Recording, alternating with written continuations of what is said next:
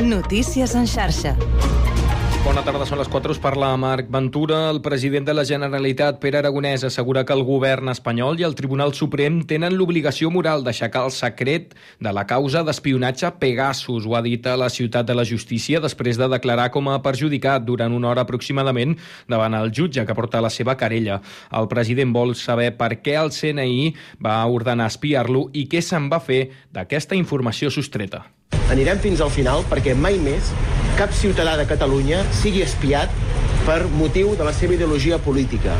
Que mai més cap membre del govern de Catalunya sigui espiat per raó de la seva activitat institucional. El jutge ha demanat al govern espanyol i al Tribunal Suprem que aportin documentació per intentar esbrinar el cas, però el Suprem s'hi nega declarant que és informació reservada. Aragonès, per tant, ha exigit que es desclassifiqui aquesta informació i ha afirmat que és una obligació ètica i moral. Aixecar el secret és una obligació moral. És una obligació moral de totes les autoritats públiques que estan concernides. Estem parlant d'uns fets molt greus. Estem parlant d'espionatge polític. Dins la sala, el president de la Generalitat ha ratificat davant el jutge que el Centre Nacional d'Intel·ligència el va espiar del 2018 al 2020 en moments polítics clau. La declaració de l'exdirectora de l'entitat, Paz Esteban, s'ha ajornat fins al gener. Un aragonès que, per cert, ara mateix compareix al Parlament per parlar sobre els resultats de l'informe PISA. Diferents municipis d'arreu de Catalunya formalitzaran aquest vespre a Barcelona la signatura del manifest contra el decret llei del govern que ha de regular els habitatges d'ús turístics, demanant la seva retirada i el seu replantejament. Un dels afectats és l'Atmetlla de Mar. Ens dona més detalls Francesc Callau, de la Cala Ràdio. Cal recordar que aquests ajuntaments ja van tenir una primera reunió per fer front comú davant la nova normativa que podria reduir substancialment el nombre d'habitatges d'ús turístic. Eva de l'Amo és alcaldessa de l'Ametlla de Mar. Perquè creiem que se vulnera l'autonomia municipal. No se'ns ha preguntat, no s'ha consensuat amb els ajuntaments afectats el contingut d'este decret i creiem que ens afecta i molt. L'objectiu del decret, que és promoure l'habitatge habitual, no es complirà. El manifest se signarà aquesta tarda a l'Hotel Guitar del carrer Montaner de Barcelona. I parlant d'això, l'Ajuntament de Barcelona ha imposat un expedient sancionador de fins a 600.000 euros a un multiinfractor que lidera un entramat de lloguer de pisos turístics sense llicències a la ciutat de Barcelona. Això és tot. Fins aquí les notícies en xarxa. Notícies en xarxa. 4 i 3 minuts. Comença el Connectats.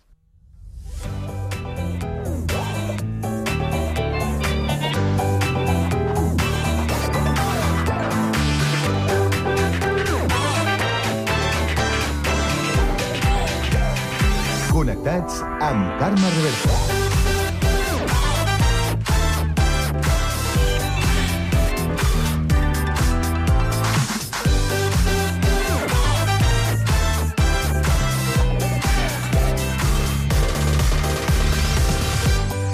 Molt bona tarda, salutacions i benvinguts un dia més al magazín de tarda de la xarxa. El Connectats de l'àrea metropolitana de Barcelona, aquest programa que, com sabeu, fem Ràdio Sant Cugat, Ràdio Sabadell, la Municipal de Terrassa, el Prat Ràdio, Ràdio Ciutat de Badalona i Ràdio Castellà. Una salutació de tot l'equip conduït a la part tècnica per Pablo Palenzuela i de qui us parla, Carme Reverte. Avui és dimecres, 12 de desembre, i volem saber quin temps ens espera aquesta tarda. Lluís Mi Pérez.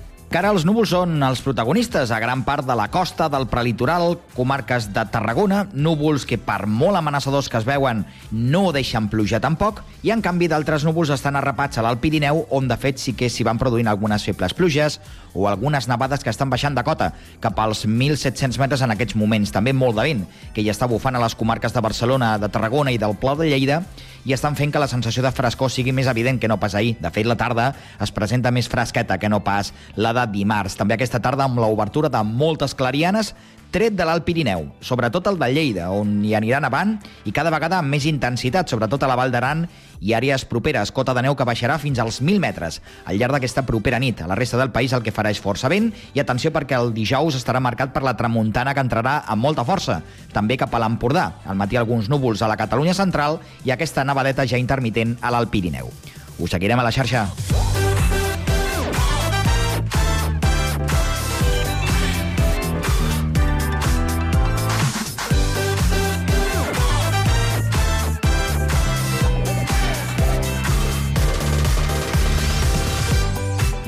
Avui al Connectats parlarem de contaminants orgànics que s'han trobat a l'esperma d'homes sants. Ens ho explicarà Pablo Gago Ferrero, investigador de l'Institut de Diagnòstic Ambiental i Estudis de l'Aigua del CSIC. Acabarem aquesta primera hora amb la tertúlia generalista per analitzar la unió de les línies de ferrocarrils del Vallès i del Baix Llobregat i la possibilitat que Sanitat en decideixi prohibir definitivament fumar a les terrasses. A partir de les 5 coneixerem el club de futbol sala Olímpic Floresta i ho farem de la mà del seu president Àngel Ruiz. Continuarem amb gastronomia per presentar la nova proposta del nou cèntric del Prat de Llobregat i acabarem amb un nou episodi del Coses d'Antes amb Oriol Carreras i Sergi Estapé, avui dedicat a la faraona, Lola Flores. Tot això i més des d'ara i fins a les 6 de la tarda a la vostra emissora local. Connectats? Comencem!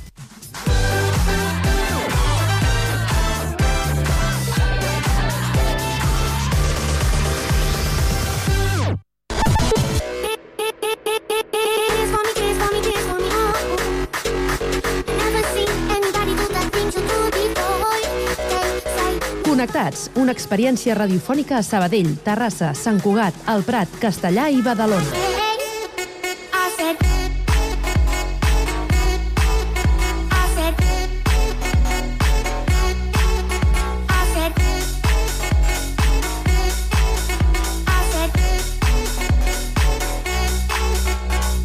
Connectats amb Carme Reverte.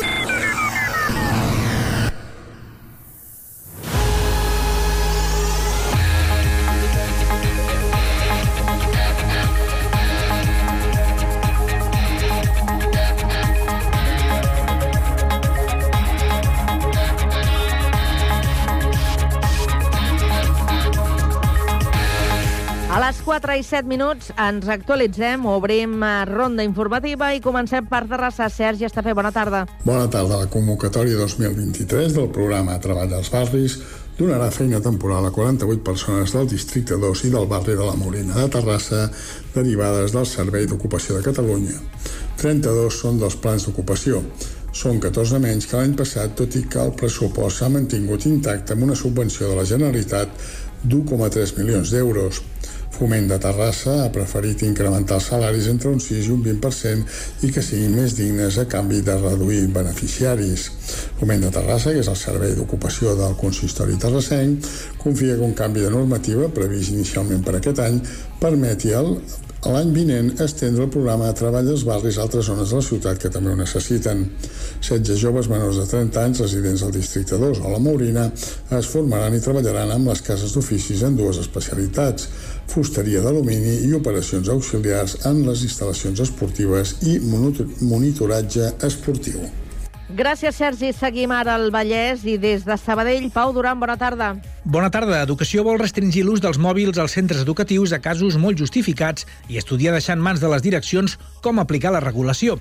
El sabadellenc Joan Cuevas, director general d'Innovació, Digitalització i Recerca del Departament, n'ha parlat avui en una entrevista al Cafè de la Ràdio. Per exemple, si, si l'alumnat ha de deixar el mòbil a casa o si l'ha de deixar a la taquilla o si s'ha de deixar en uns calaixos. Per tant, intentem combinar una restricció important de l'ús dels mòbils amb que els centres educatius puguin acabar de legitimar amb la seva comunitat educativa eh, com es concreta aquesta prohibició. Cuevas n'ha parlat l'endemà que el Consell Escolar de Catalunya hagi proposat que la Conselleria fixi un marc general per regular l'ús del mòbil als centres. Des del Departament d'Educació defensen que l'etapa fins als 3 anys sigui lliure de pantalles, que entre els 3 i els 10 anys es facin servir de forma controlada i que a partir dels 10 hi hagi la possibilitat de fer servir pantalles individuals. I és que, segons ha dit el Zapadellenc, la digitalització és una oportunitat, però també té riscos si no s'aplica correctament. En aquest sentit, no creu que aquest procés sigui una de les raons que expliquin la caiguda dels resultats acadèmics a Catalunya i que s'han plasmat en el darrer informe PISA. El director d'Innovació, Digitalització i Recerca n'ha apuntat els motius. Una és la pandèmia, um, i per això ha baixat a nivell internacional. Uh, el segon aspecte seria l'increment de la vulnerabilitat i, per tant, hem de debatre les polítiques que té el sistema per abordar aquest increment de, de la vulnerabilitat, de la pobresa. Sabem que la pobresa directament està relacionada amb un amb, un, amb menys aprenentatges. Però després tenim alguns aspectes metodològics que hem d'acabar de polir com a sistema i també tenim reformes més, profundes del sistema que hem de poder abordar, algunes que ja estan en marxa, com seria la desagregació del sistema, Joan Cuevas ha fet aquestes declaracions el mateix dia en què s'ha reunit la mesa sectorial d'educació. Els sindicats consideren que les negociacions amb el departament es troben en punt mort. Per això els sindicats lliuraran una contraproposta de cara a una nova reunió prevista pel dijous 21 de desembre. Gràcies, Pau. Anem ara fins al litoral. Des de Badalona, Andrea Romera, bona tarda. Bona tarda, Carme. Les vuit famílies que divendres seran desnonades de l'edifici en estat ruïnós del carrer de Calderón de la Barca asseguren que han estat pagant de manera regular el lloguer, alguna durant 20 anys, fins que fa uns mesos el propietari els va deixar de cobrar. I el propietari del número 79 ha assegurat que no els consta que els inquilins hagin creat conflictes, com assegura l'alcalde de Badalona. Afirma, però, que alguns tenien la llum punxada. I entre els afectats absoluta sorpresa per les acusacions. Demà al matí aniran a l'Ajuntament amb la intenció de parlar-hi directament.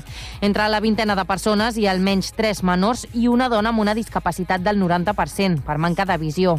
Escoltem Abderrahman Bukili, que viu a l'edifici amb el seu nebot. Un monofax, hay que salir y hasta ahí donde ha, ha parado de coger el alquiler de algunos y sigue así cobrando el alquiler hasta ayer mismo. Nunca declara aquí de ocho vecinos. Él declara solo siempre dos, tres, por, por, no pagar al Estado. Yo no sé lo que es la asistenta social, nunca he cobrado la asistenta social, nunca me he ido a la cárcel, nunca me he ido a prisión, y ellos igual. Consultat per aquest mitjà, el propietari diu que tots els contractes han passat pel registre de la propietat, tot i que els inquilins ho neguen, i que rehabilitar l'edifici era més costós que tirar-lo a terra, que és el que previsiblement succeirà. Gràcies, Andrea. Seguim ara des del Prat de Llobregat. Lluís Rodríguez, bona tarda. Bona tarda. Enguany a Prat no es plantaran arbres nous a causa de la sequera. L'Ajuntament ha pres aquesta decisió davant la impossibilitat de garantir el rec per als arbres plantats i és que cada espècie que es planta necessita almenys dos anys de rec abans de trobar l'aigua a través de les arrels. La paisatgista assessora de l'Ajuntament, Anna Terricabres, explica que mesures com aquesta ja s'estan implementant en d'altres municipis. No només amb arbrat, sinó amb tema d'arbustives, gespes que s'hagin de renovar o prats, tot el que necessiti un rec eh, d'implantació, pues, com que no es pot garantir aquest rec, malauradament no es poden fer aquestes actuacions. Ara com ara hi ha 14.000 arbres a la ciutat que ajuden a reduir les temperatures mitigant l'efecte illa de calor. Un exemple d'espècie d'arbre que cada cop veurem menys a la ciutat a causa de l'impacte del canvi climàtic són els tilers, també els aurons o les freixes, que seran substituïts per altres arbres molt més adaptats. Gràcies, Lluís. I ara de retorn al Vallès ens quedem a Castellà. Guillem Plans, bona tarda. Bona tarda. La vaga indefinida d'infermeres i treballadors de l'Institut Català de la Salut també afecta Castellà. Aquest matí han secundat la vaga al CAP un 62% de les infermeres, segons fonts del centre sanitari. També ho ha fet un 42% del personal d'admissions. Tot i això, els dos col·lectius estan complint els serveis mínims de dues persones per torn. El personal del CAP demana paciència als usuaris per la situació i que entenguin la seva lluita per mi Gràcies, uh, Guillem. Millorar les condicions laborals. Gràcies, Guillem. Acabem amb la crònica de Sant Cugat. Avui ens la porta Joan Garcia.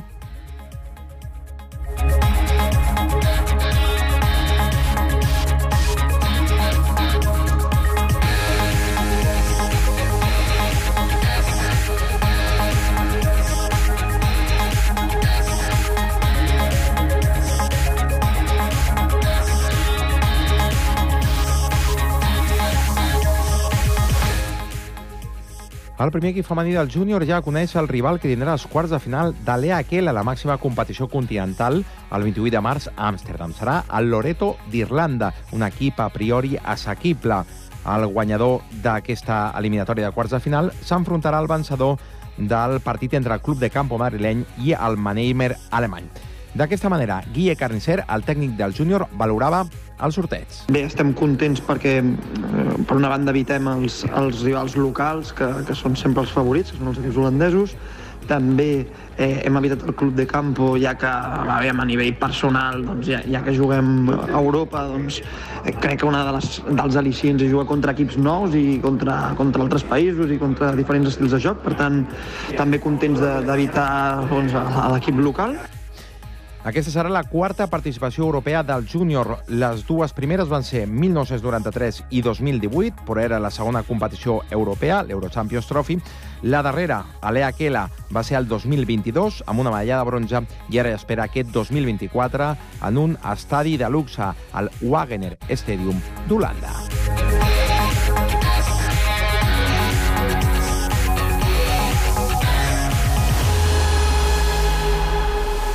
A la tarda, no et desconnectis. A la teva ràdio local, connectats. Can't touch this. You can't touch this.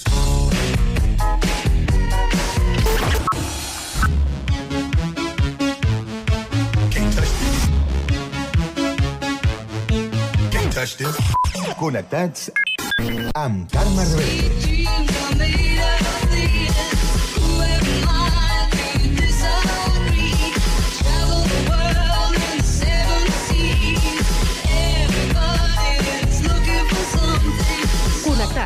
Una experiència radiofònica a Sabadell, Terrassa, Sant Cugat, El Prat, Castellà i Badalona.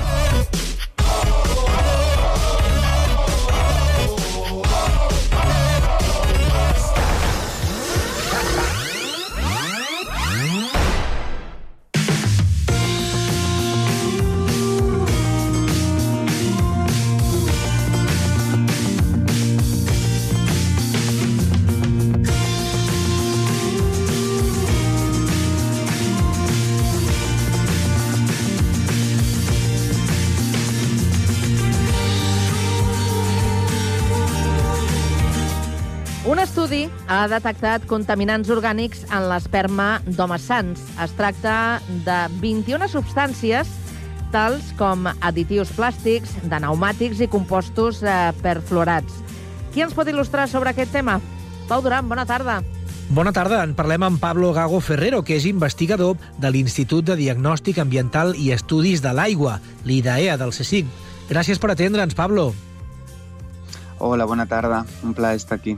No sé si vosaltres heu sigut els primers sorpresos dels resultats de l'estudi.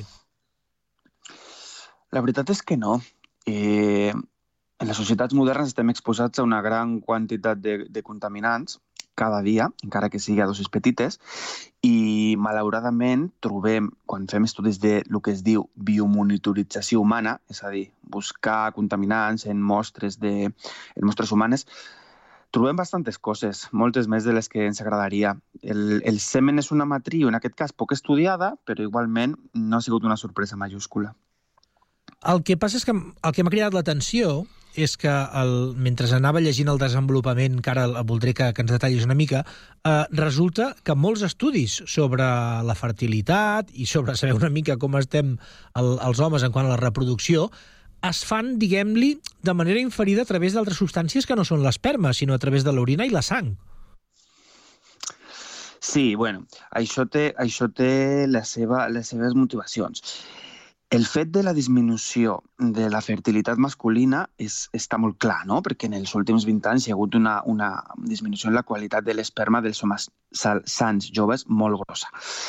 I llavors se sospita, i, crec que amb, molt, amb molt de fonament, no? que, eh, que és per un factor ambiental.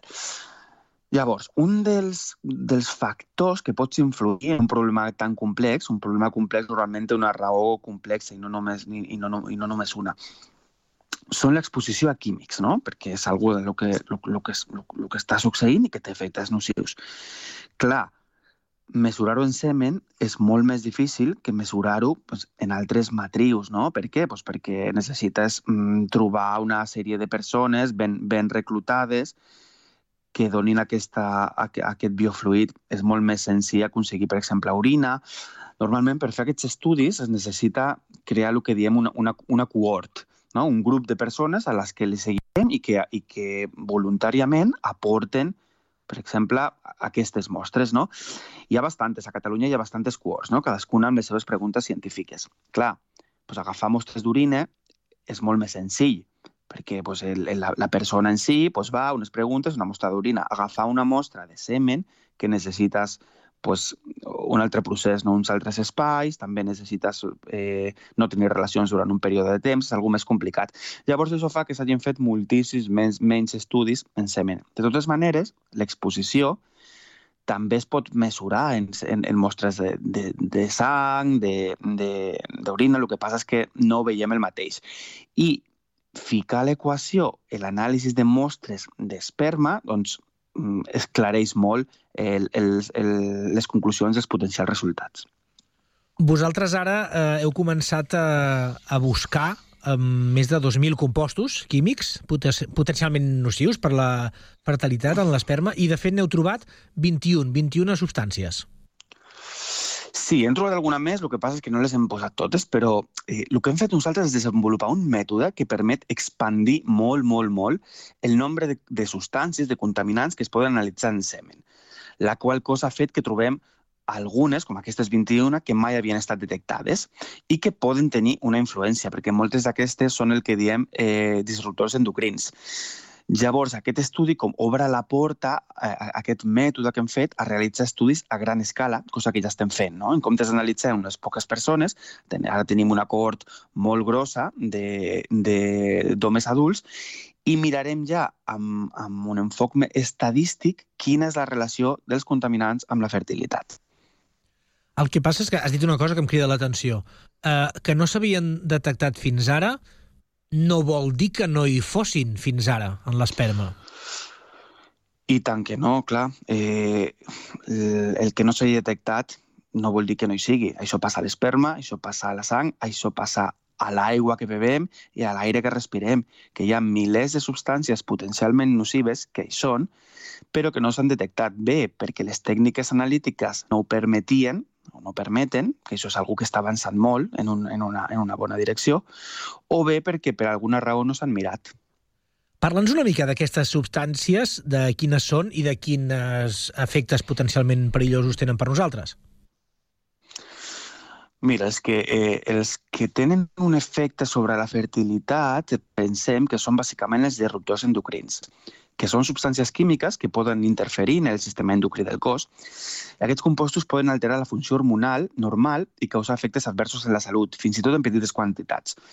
Es troben en diversos productes, com, com plaguicides, plàstics, productes químics industrials, i la seva presència ha generat eh, preocupacions perquè fa els seus possibles impactes en la salut humana i ambiental, no només humana, també ambiental com per exemple la disminució de la, eh, de la mobilitat de, del semen o de la quantitat.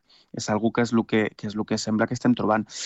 No obstant, l'exposició química és un problema de primer ordre, eh, perquè es calcula que, el, el, eh, bueno, es calcula que causa milions de morts anuals en el món, evitables, i que el seu impacte econòmic és més del 10% del producte interior brut global. O sigui, no és una cosa petita. Hi ha exemples sagnants i no cal anar-nos a l'altra punta del món, perquè a vegades pensem que els efectes de la contaminació, de la contaminació i de l'exposició química passen en altres països. Sense anar més enllà, per exemple, en Bèlgica hi ha hagut un escàndol de primer ordre per una fàbrica de productes perfluorats enorme que, bueno, que investigant, en part per casualitat, després per, per investigació, s'ha vist que una enorme part del país, de la part que està al cantó d'Amberes, està afectada per aquesta contaminació. I això no vol dir que aquesta gent poden desenvolupar algo que pot tenir efectes, sinó que té efectes, que està tenint efectes, està tenint efectes en les naixements dels nadons, està tenint efectes en una quantitat més gran d'enfermetats evitables, incloent el càncer. No és una cosa petita i és una cosa en què hem de, de, de posar l'atenció perquè bueno, és, la, és la nostra salut. I a més una mica, Pablo, el que fa por i, i, i te n'adones de, de la globalitat del problema, no? És que, clar, eh, doncs a vegades dèieu que potser pot ser coses dels components de, dels pneumàtics de les rodes de, dels vehicles, no? Sí. Però, clar, en realitat són contaminants que, a priori, tu quan ho penses, penses que estan molt lluny de, de, del cos humà o de la, el que seria la teva ingesta o que d'alguna manera puguin arribar al teu esperma i, en canvi, estan allà. Clar, mira, el cas que dius del, dels, dels additius de, de, le, de les rodes pneumàtiques és un cas bastant paradigmàtic, no? Perquè, bueno, doncs estan a, a les rodes. Aquests compostos es van fer famosos perquè als Estats Units s'estaven morint els salmons. En algunes parts, en alguns estats, eh, estaven apareixent un munt de salmons morts. Després, amb molta, amb molta investigació, sobretot amb, amb els últims avanços en química analítica que permeten arribar més enllà, es va determinar que, els additius de les rodes, que eren uns additius de rodes que eren deixats a la carretera quan plovia molt, transportaven aquests additius al riu i els salmons es morien. Bueno, doncs aquests compostos que tenen un potencial tòxic estan en el nostre entorn. Llavors, amb el fregament de les rodes passen a l'aire. Llavors, aquesta aire la respirem.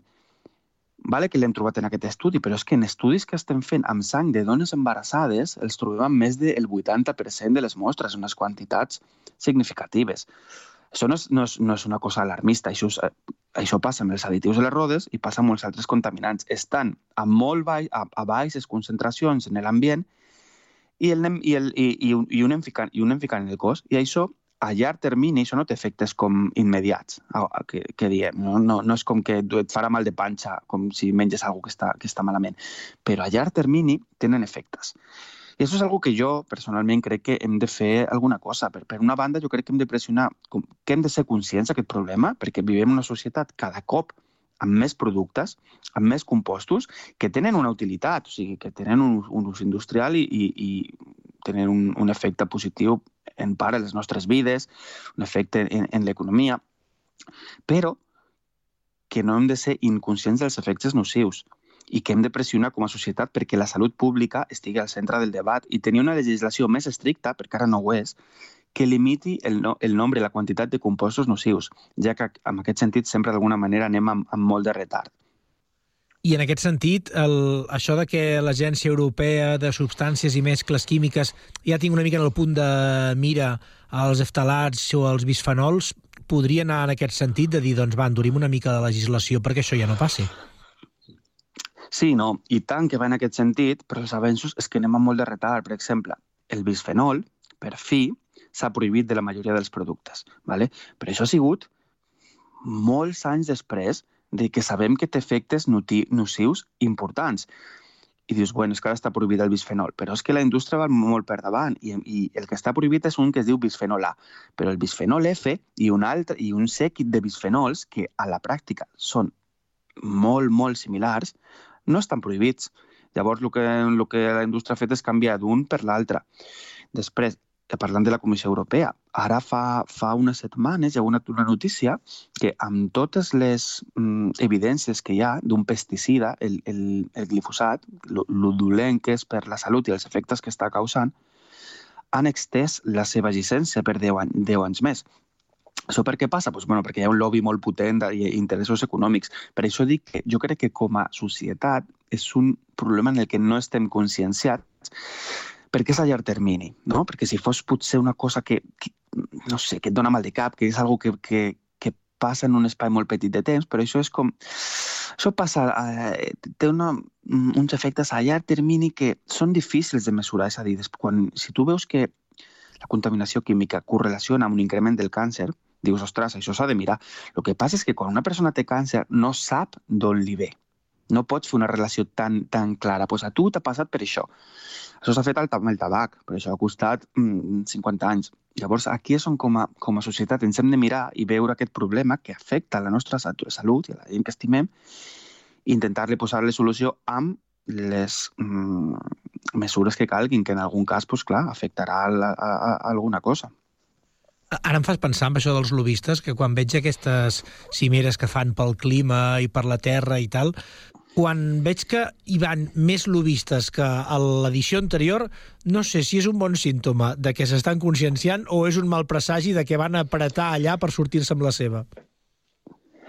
És un mal presagi, és un mal presagi, perquè, eh, bueno, tenen els seus interessos legítims, però hem de prendre aquest, eh, hem de prendre aquest tema molt seriosament, d'una manera igual que amb el que va passar amb el tabac. Ara una societat està conscienciada amb el tabac, encara que hi hagi molta gent que fumi, perquè té uns efectes desastrosos no? en la salut a llarg termini, però això que pot ser sorprenent, amb, amb, els, amb els compostos perfluorats, uns compostos que han demostrat una toxicitat eh, elevada i que s'estan utilitzant moltíssim, la indústria, és una indústria molt lucrativa, ha estat utilitzant tàctiques exactament iguals a la que va utilitzar la indústria tabacalera per no prohibir-los. Treure estudis que creen confusió i que això no, això no funciona així, que tot es vagi anant més enllà, més enllà, després substitueix els seus co- components per altres que són pràcticament iguals, però amb un petit canvi molecular perquè no entren a la legislació, un seguit de mesures que fa endarrerir, endarrerir que ells tinguin molts beneficis, però que com a societat, a llarg termini, com dic, doncs tinguem uns efectes a la nostra salut eh, clarament perjudicials. Pablo Gago Ferrero, investigador de l'Institut de Diagnòstic Ambiental i Estudis de l'Aigua, gràcies per atendre la trucada al Connectats. Un plaer, moltes gràcies. Haurem de seguir el tema de ben a prop i veure com acaba tot plegat.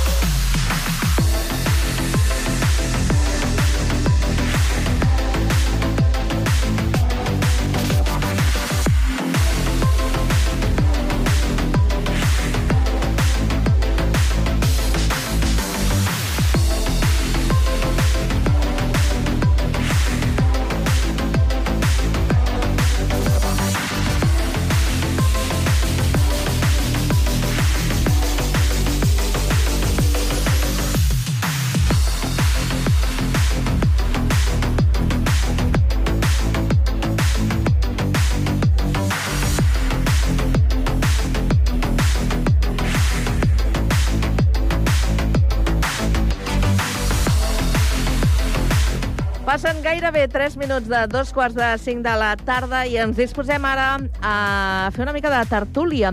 Avui la compartirem amb el Pedro Escurra, que és escriptor i el tenim al Prat. Pedro, bona tarda. Hola, bona tarda.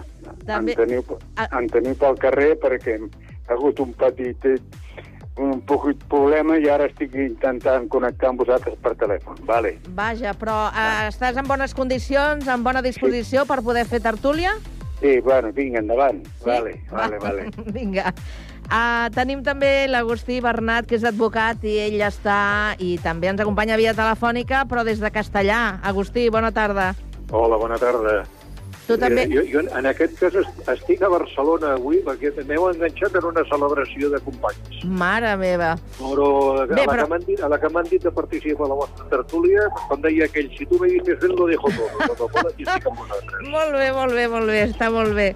Doncs celebrem que, com a mínim, sigui per una bona causa. Eh, estàs de celebració, avui. Uh, anem a comprovar doncs, uh, la, el tercer component de la tertúlia d'avui, amb Francesc Ribot, que és exregidor d'Esquerra Republicana de Catalunya a Badalona. Què tal, Francesc? Francesc, bona tarda. Bona tarda. Amb una connexió telefònica una mica... Horrorosa. Una, bona tarda. Una connexió telefònica una mica dolenta. Mare que meva. sí. Haurem de fer mans i mànigues, eh, avui, perquè... Jo us vaig seguint. inte- Val, Sí, doncs, sí. Avui ja ho veig, ja. creuarem els dits, eh? perquè tenim una tertúlia que avui no sé si l'agafarem amb pinces, amb tanta línia telefònica i tenint en compte la qualitat de les línies que tenen últimament eh, la, la telefonia mòbil, doncs eh, Déu- Déu-n'hi-do. I, I avui eh, parlem precisament d'obres. Eh, no crec que t'agafin, Agustí, encara que estiguis avui a, a Barcelona, però els barcelonins, els que viuen al centre de Barcelona, s'estaran almenys eh, cinc anys eh, patint aquestes noves obres que eh, intentaran unir dues línies de ferrocarrils de la Generalitat, la del Vallès i la del Baix Llobregat a, a Noia. Unes obres que començaran, per cert, quan acabem les festes, eh? O sigui, acabarem de celebrar el, el Nadal i començaran a, a perforar i a, i a fer... Bueno, a perforar no sé exactament si ja començaran o es, eh, serà d'aquí un temps, però vaja, que estaran d'obres que s'apujaran per les parets, pràcticament. Eh, no sé com valoreu l'anunci d'aquesta unió que hi haurà entre les dues línies, la del Vallès i el Baix Llobregat a Noia, que segurament per a alguns eh, ciutadans, alguns catalans que es troben una mica més allunyats de, de la capital, eh, veuran amb bons ulls la possibilitat d'arribar amb tren des d'altres punts que ara doncs, és una mica més, més complicat. Pedro, eh, per exemple, per al·lusions i, i per, perquè potser et tocarà més, més de prop, no, mira, jo sóc un... fa només 70 anys que, que, que, que agafo Rodalies i sóc un gran amant del tren i em penso que sóc el menys indicat per parlar-ne perquè eh, jo estic in, molt ben comunicat sobretot en Barcelona i en tot el que... O sigui, perquè la línia aquesta del, de, del baix per, per connectar amb Barcelona, pues, eh, aquesta és, funciona força bé. El que no, potser els companys tenen més a dir, potser el de Castellà sí que sabrà més el que pugui afectar amb ells, o els de Badalona, però aquí el Prat, entre el metro i el tren i els busos, eh, el que se'n diu comunicats amb Barcelona està molt bé, i comunicats amb la costa també. Però amb el Vallès, el, el però Pedro, dient, no? Pedro sí. amb el Vallès no esteu gaire ben comunicats, per exemple. Bueno, ja tenim un tren que també va fins a Granollers, Clar, clar que no estem ben comunicats, però si aquest fos el problema, el problema suposo que el tenen els de la conturbació de la, del quart cinturón i tot el que representa, perquè aquí en Renfe sempre hem estat ben servits. Jo el que no puc opinar per la gent que té que anar al Vallès, potser el del company de Castellà sí que ho tindrà una mica més clar, no? A veure... Perquè nosaltres al Prat estem molt ben comunicats amb Barcelona i des de Barcelona estem tan ben comunicats com un altre, no? Mm. Vinga, uh, per al·lusions, Agustí. Doncs pues mira, eh, la veritat és que jo quan... És un tema que l'he seguit bastant, mira, perquè sóc un obsès del tema del, del transport públic i de les comunicacions, i la veritat, quan vaig veure que comença, aquella sensació de, de, de sortir al carrer, obrir els obres i dir, aleluia, loado el Senyor, perquè ja era hora que es fes l'obra aquesta. Perquè a mi personalment, de, eh, de Castellà a Sabadell ja és un tema que més val que no entrem. És un problema, Però, sí. Però s'agafes a Sabadell, i jo que per qüestions de salut tinc que anar bastant, amb bastanta freqüència a l'hospital clínic, doncs oia, que ara resulta que em facin un, un a l'estació de Gràcia, de la qual, per cert, en aquest moment estic molt a prop, i em facin un enllaç que vagi al clínic, oi, això em salva la vida, què, vol, què voleu que us digui? I amb el que deies de, la, de les connexions, doncs efectivament, tu agafes i sí, a plaça Catalunya baixes i pots agafar els trens que vulguis. Però si d'aquesta manera, una miqueta abans, agafes una altra alternativa, que pugui ser aquest el, el, el, el, el, el, el, carai, em sortarà. El tren aquest de la, de la, de la noia, o sigui... Quan, ferrocarrils, quan són ferrocarrils. O sigui que, vamos, jo, jo, com, jo com a mínim ho veig que és una, que és una, és una alternativa però excel·lent, extraordinària. I tant de bo no esperin a, a, a, que comencin avui mateix. Mm -hmm. Francesc? Francesc? Bé, jo crec que és una obra important, i, Sí, és una obra importantíssima, són més de 400 milions.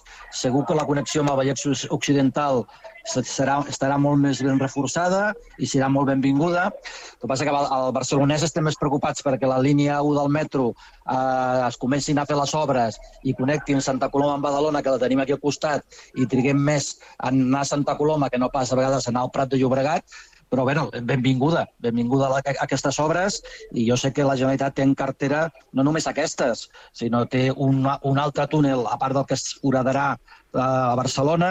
Eh, són obres que cadascuna d'aquestes costa centenars de milions d'euros, és a dir, és un esforç inversor molt gran i espero que la crisi que tothom anuncia trigui uns quants anys més a arribar-hi perquè les puguem pagar i puguin executar-se, perquè el que deia el del Vallès que portaven 10-15 anys esperant-ho, nosaltres a, a la nostra comarca fa 20 anys que esperem que arribi el, a aquestes, línies, a aquestes ampliacions de la línia de metro. No? Però benvingudes i felicitats a la Generalitat i a la Conselleria i a la, i a la, i a la Ferrocarrils de la Generalitat per tirar-ho endavant. No, no cridem el mal temps, Francesc, perquè si arriba aquesta crisi que tu eh, apuntaves, que no passi amb aquesta línia de ferrocarrils el mateix que va passar amb el quart cinturó de, d'aquí, de, de, del Vallès, que es van començar obres i s'han quedat obres eh, durant anys i anys, no? A mitges. Aquí, perdona, perdona, aquí vaig jo precisament. Dels, esperem, esperem que... A veure, es, espere, espereu, anem per ordre. Eh, donem pas al Pedro, que havia començat, no, i, i després Francesc. que sempre critiquem que tots els sistemes de, de circulació per a Espanya eh, estan en funció lineal de Madrid i, i concèntrics, aquí, per lo que estic sentint amb vosaltres, sempre estem igual. Primer de Barcelona i de Barcelona al cielo, no?, que se'n diu. No, senyor, el problema que té Catalunya és que el senyor de Vilanova pogués anar a, a Berga o pogués anar a Olot i no tingués que, que, que travessar Barcelona. Aquest és el gran problema de, de, del sistema de trens de Catalunya, suposo jo perquè els que estem a prop de Barcelona no en tenim cap per arribar a Barcelona. El problema és, que, és el que dic, un de Vilanova que vulgui anar a Berga o que vulgui anar a Olot, no? Mm, Francesc. No, no, amb això estar, estarem d'acord. O sigui, tot el sistema de Renfe i de ferrocarril que, està, que hi ha a l'estat espanyol s'ha fet a la mes, mateixa mentalitat centralista i radial. So, sobretot amb un 90% de Madrid, però a Barcelona han replicat el mateix model. I estic Clar. d'acord que ha d'haver-hi unes anelles concèntriques que facin que no tinguis que passar forçosament, per Barcelona. Eh? A Barcelona anirem pues, a un restaurant o una obra de teatre, però si jo vull anar a Mata, a, no sé, a Mata de Pere eh, o anar a Vilajuïga, pues, no, potser no tinc que passar per Barcelona. I ho dic jo que no tinc cotxe, o sigui que jo sempre he anat en transport públic. Mm? Mm -hmm. Per tant, eh, una, una bona notícia, no? encara que mm, li hem de donar temps i esperar que es compleixin els terminis i que no hi hagi cap, eh, cap imprevist. Sí? No, I a més a més, hi ha, una cosa, hi ha una cosa bona amb aquesta obra, hi ha una cosa bona, és de que una, un de, qualsevol obra pública eh, genera mal de caps a la gent que viu al voltant. No? Llavors, amb, aquesta, amb aquest túnel que s'ha d'obrir a Barcelona, afectava el Parc Joan Miró. Sí. Llavors, la Generalitat i, i, i, la, i els que s'encarreguen d'això han acceptat fer tota una sèrie de modificacions del projecte original perquè l'afectació del, del Parc Joan Miró sigui mínima i quan s'acabin les obres es restitueixi. O sigui, el pressupost s'ha encarit 6 milions d'euros, però al final han trobat una solució eh, per això, no? Eh, I és un tema que també cal, cal, cal tenir en compte, que a vegades les infraestructures es projecten en uns despatxos, però després s'han d'aterrar a terra i veure l'entorn immediat amb el qual es fan les obres. Molt bé, doncs eh, deixarem que després de festes eh, comencin a, a treballar i a veure com evoluciona tot això. Eh, D'aquí cinc anys ja en tornarem a parlar, si és que no ens obliguen a parlar una mica abans. Eh, canviant de, de tema, recuperem un antic eh, tema, que és el de la prohibició de fumar a les terrasses, que si recordeu, quan hi va haver la pandèmia, i podíem eh, sortir amb algunes eh, restriccions encara, doncs és una de les mesures que es va prendre, no?, per, eh, per allò que a través de, de, de l'aire els fumadors eh, doncs, eh, podien transmetre eh, el, el, el virus. Eh, ara és una opció que la, la nova ministra de Sanitat s'està replantejant. Eh, no sabem si, si té una intenció ferma que això sigui així, però sembla que sí, perquè aquesta batalla antitabac eh, aniria no només per aquí, amb la prohibició de, de fumar a les terrasses, sinó també de regular l'ús dels vapejadors i fins i tot, escolteu bé, prohibir fumar dins dels cotxes i a la platja, o a les platges, una cosa que també eh, s'ha fet eh, últimament.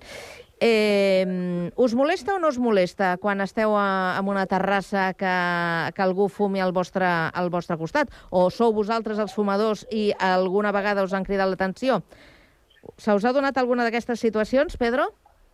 Home, jo sóc fumador i si no, si no hi haguessin terrasses no entraria mai en un bar, perquè jo en els bars no entro mai. Llavors el que faig és fumar a, a les terrasses. Ara, què passa? Que quan la gent no sap què fer, el que, i sobretot l'esquerra, jo em considero un home d'esquerres, eh? però l'esquerra disfruta prohibint, no?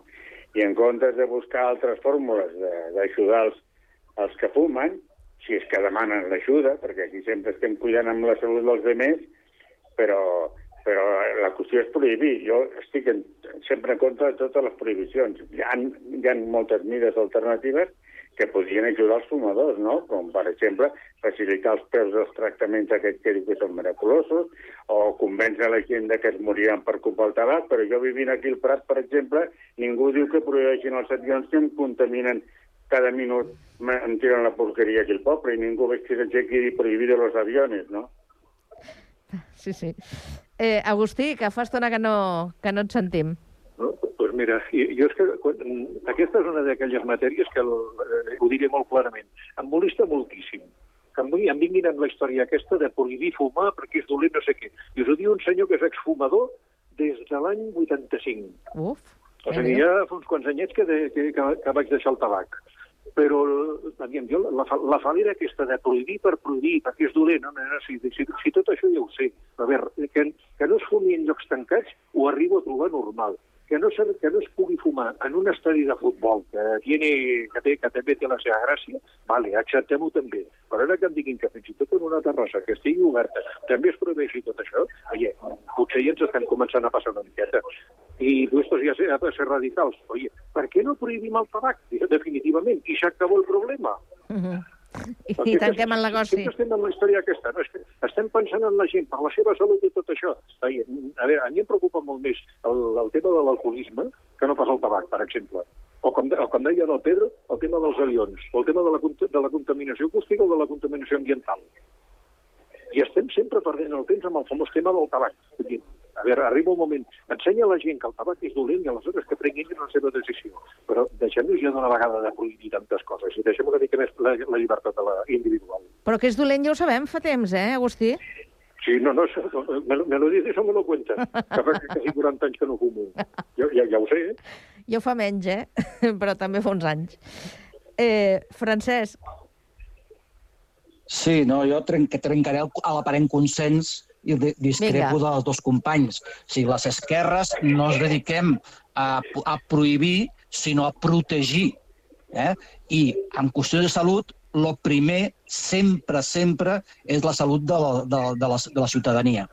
I a Catalunya, que cada hora cada hora que passa mor una persona directament relacionada pel consum de tabac, cada hora, són 9.000 persones a l'any que moren a Catalunya, bé pel càncer de pulmó, bé per les malalties cardiovasculars que són inherents al fet de fumar, és un tema prou, prou greu com perquè es prenguin mesures. Des quan es, eh, i, eh, ningú pot dir que una cosa que ve de nou, sinó amb l'any 2005 es va fer la primera llei de mesures eh, contra el tabaquisme, per la salut contra el tabaquisme. El 2011 eh, es va revisar eh, aquesta llei, han passat 13 anys, ningú pot negar els efectes beneficiosos de, de, de, de, de, de deixar de fumar, no només beneficiós per la persona, sinó per les que estan al seu voltant. Està en una terrassa, eh, tu amb la teva dona o amb els teus amics, i que resulta que un altre que ha vingut al costat et llenci el fum de tabac, jo no vull ser fumador passiu ni tinc per què fer-ho jo. Ni jo, ni els cambrers dels bars i restaurants que sí o no s'ho han de- d'empassar. Jo, això sense entrar en compte i no tenint en compte els costos que té per l'administració pública el fet de les persones que fumen, o sigui, una persona fumadora li costa a la sanitat pública un 56% més que una persona que no fuma.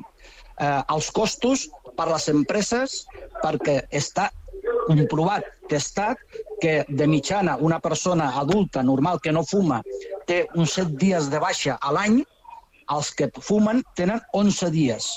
I això també són uns 9.000 milions d'euros que deixen de- de- d'ingressar les empreses per culpa de la gent que decideix fumar.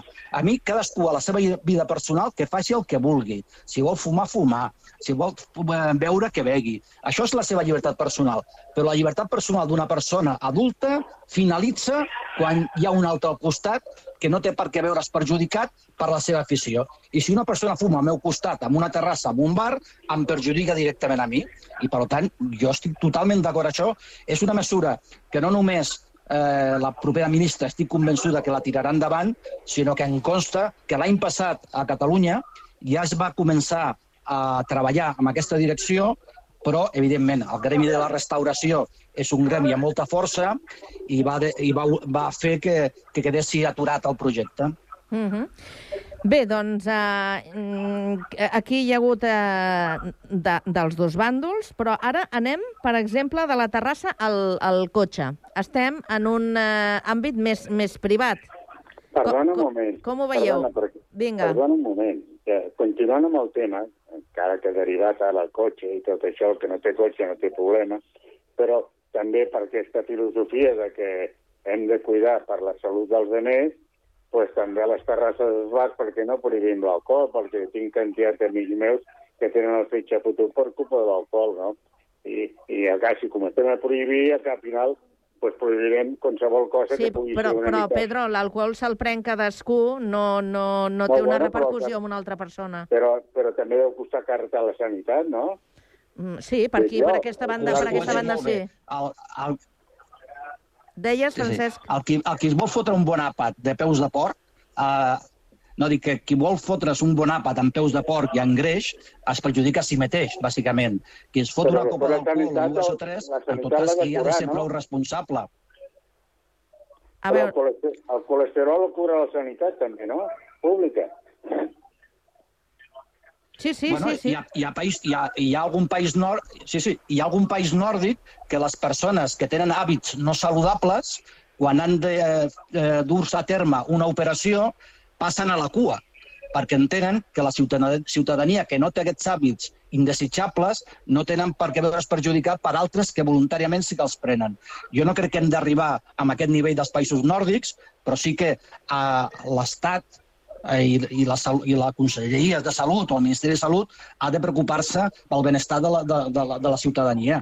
I, evidentment, si la gent no reacciona, perquè en aquest país ja ho sabem, de que la gent no reacciona si no hi ha sancions, doncs, escolta, endavant. endavant.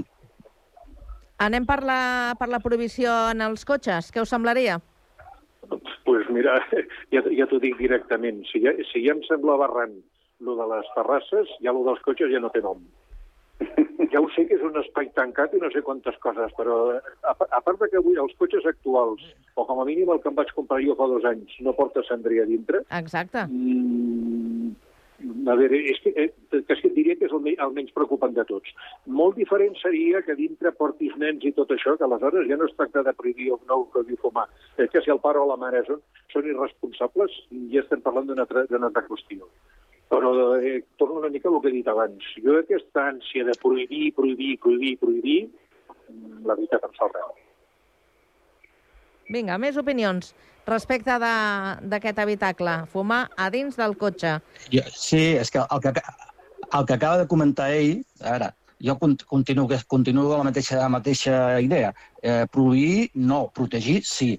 I eh, amb el tema del cotxe, amb el tema del cotxe em sembla que la llei ja preveu que eh, només es pod- es obligaria a deixar de fumar quan hi hagi un nens dins del cotxe o quan hi hagin dones embarassades. O sigui, ara bé, dit això, jo crec que és molt difícil de fer complir aquesta llei i, entre altres coses, no ha de ser el Ministeri de Salut legalment, sinó que hauria de ser la Direcció General de Trànsito, Mhm. perquè de la mateixa manera que es va prohibir eh, trucar per telèfon quan es conduïa perquè s'entenia que això provocava una distracció i això podia comportar un, un risc major d'accident, fumar el tabac dins d'un cotxe al conductor amb el dit també pot representar un risc addicional per a la seguretat del trànsit. En tot cas, a- eh, la, la motivació pot ser la salut, però en tot cas li tocaria a la Direcció General de Trànsit eh, tirar, per, tirar per endavant.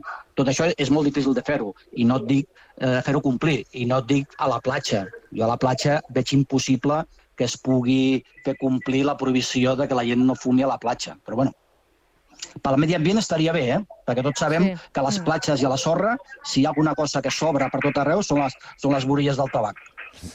Eh, exacte. Eh, per cert, que eh, no ho hem comentat, però l'objectiu de, de totes aquestes mesures, l'objectiu final, és que les noves generacions estiguin lliures de tabac. No sé si això és assolible, si és Perdona. complicat o, o com ho veieu. Vinga, Aviam, Pedro. Aviam, un, un moment. Les noves generacions ens han de preocupar molt i, i és evident que ens preocupem molt poc i no crec que tingui ni que veure ni el tabac ni l'alcohol.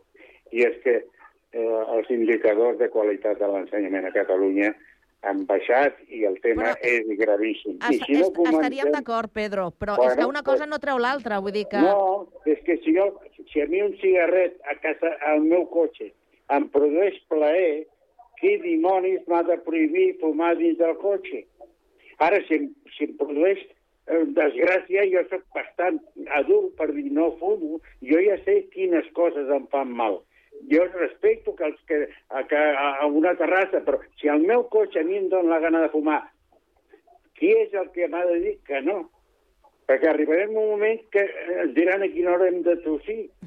és que, clar, és que anem, anem al tantum tant prohibir i tant excuses de la salut quan avui Barcelona està bloquejada per manifestació del personal de, de, de, de, de la sanitat perquè estan maltractats els enfermers i els, i els, i els celadors. I això no en Sí, parlem, si i vols, parlem si d'aquest vols podem parlar, Pedro, del eh? tabac. Ah, home. Home, cada dia parlem de, de vegada- molts temes, eh? prim- No, jo parlo avui de lo que vegada parlem. vida. I està, ja, esteu posant una situació de crisi que sembla que l'hem de palmar demà al matí. No, I no, no, no ens espantem. No, però avui Ja tenim sé que- aquests temes i això no vol dir que no hi hagi més temes importants a... No, a, no, a... si està bé tocar el tema, però no aquest catastrofisme. Però, escolta, una hi ha cosa moltes que- coses que... Pe- Pedro, Ja, eh, digues. Molt ràpid, eh, que ja estem Pedro, al final. sen, sentint-te, pe- sentint, pe, sí, Pedro, sentint-te, em semblava sentir, i, i pren-t'ho bé, eh, pren-t'ho amb humor, eh, em semblava sentir a l'Aznar quan l'Aznar deia però ¿quién m'ha de decir a mi cuántas copas me he de tomar No, yo? no, eh? no, no, ¿Quién m'ha de no, decir a mi? no, pues no, escolta, perdona, Escolta, eh? no, no, és el to, el, el, jo? to, el to aquest, és a dir, a veure, qui t'ha... Perdoneu, saps quants anys tinc jo? Anem? Saps quants anys tinc jo? Sí, sí, sí, 88. molt malament, perdona, eh? No, jo tinc 88 anys. 88 anys té el Pedro, que és el que està dient. i, i he patit... I té llicència. Pues felicitats. Ho, ho hem de deixar, senyors. Se'ns ha acabat el temps, ho hem de deixar aquí. Si no ens tornem a parlar, eh, que tingueu bones festes. Menos, menos prohibir i bon Nadal. Eh? Bon Nadal a any. tots, igualment. Bon. Que vagi Bon bé. a. Adéu-siau.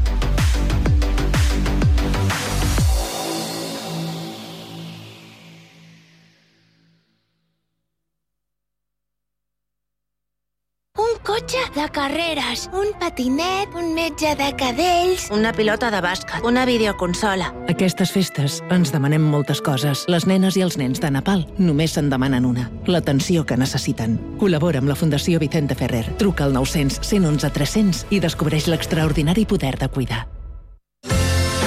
Ja tens Sant Cugat a la butxaca? La targeta de punts de més de 80 botigues de Sant Cugat. Si no és així, sol·licita-la a les botigues adherides i aconsegueix un munt d'avantatges. Descomptes, obsequis, promocions especials, barrets de la nit en blanc i... No ens podem allargar tant. Consulta www.santcugatalabutxaca.cat. Ara també utilitza la teva targeta al Mercat de Torreblanca.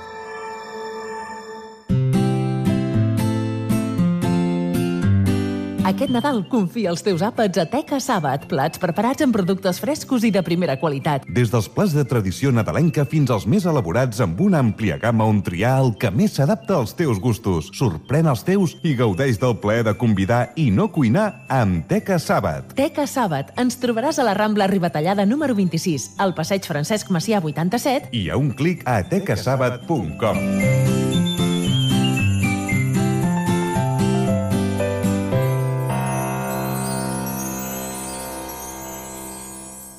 Cada mes, els alumnes dels instituts Leonardo da Vinci, el Centre de Formació d'Adults i el Col·legi Pureza de Maria expliquen l'actualitat dels seus centres a Ràdio Sant Cugat. Primer de batxillerat van visitar el laboratori. Al final de cada classe ens fa un experiment. També ens fan recomanacions. De fantasia eh, puc dir eh, una saga que es diu Crave. Ens diuen què els agrada. Jo espero els canelons de l'àvia.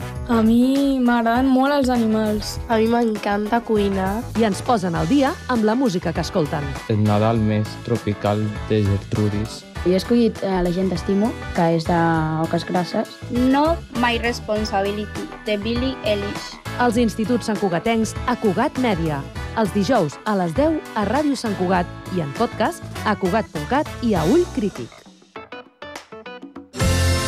Ja tens Sant Cugat a la butxaca?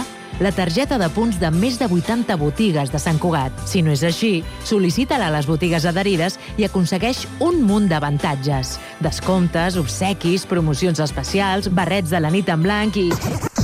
No ens podem allargar tant. Consulta www.santcugatalabutxaca.cat. Ara també utilitza la teva targeta al Mercat de Torreblanca.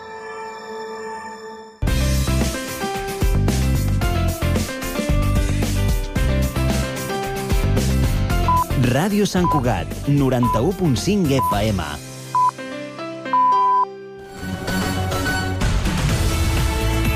Ràdio Sant Cugat,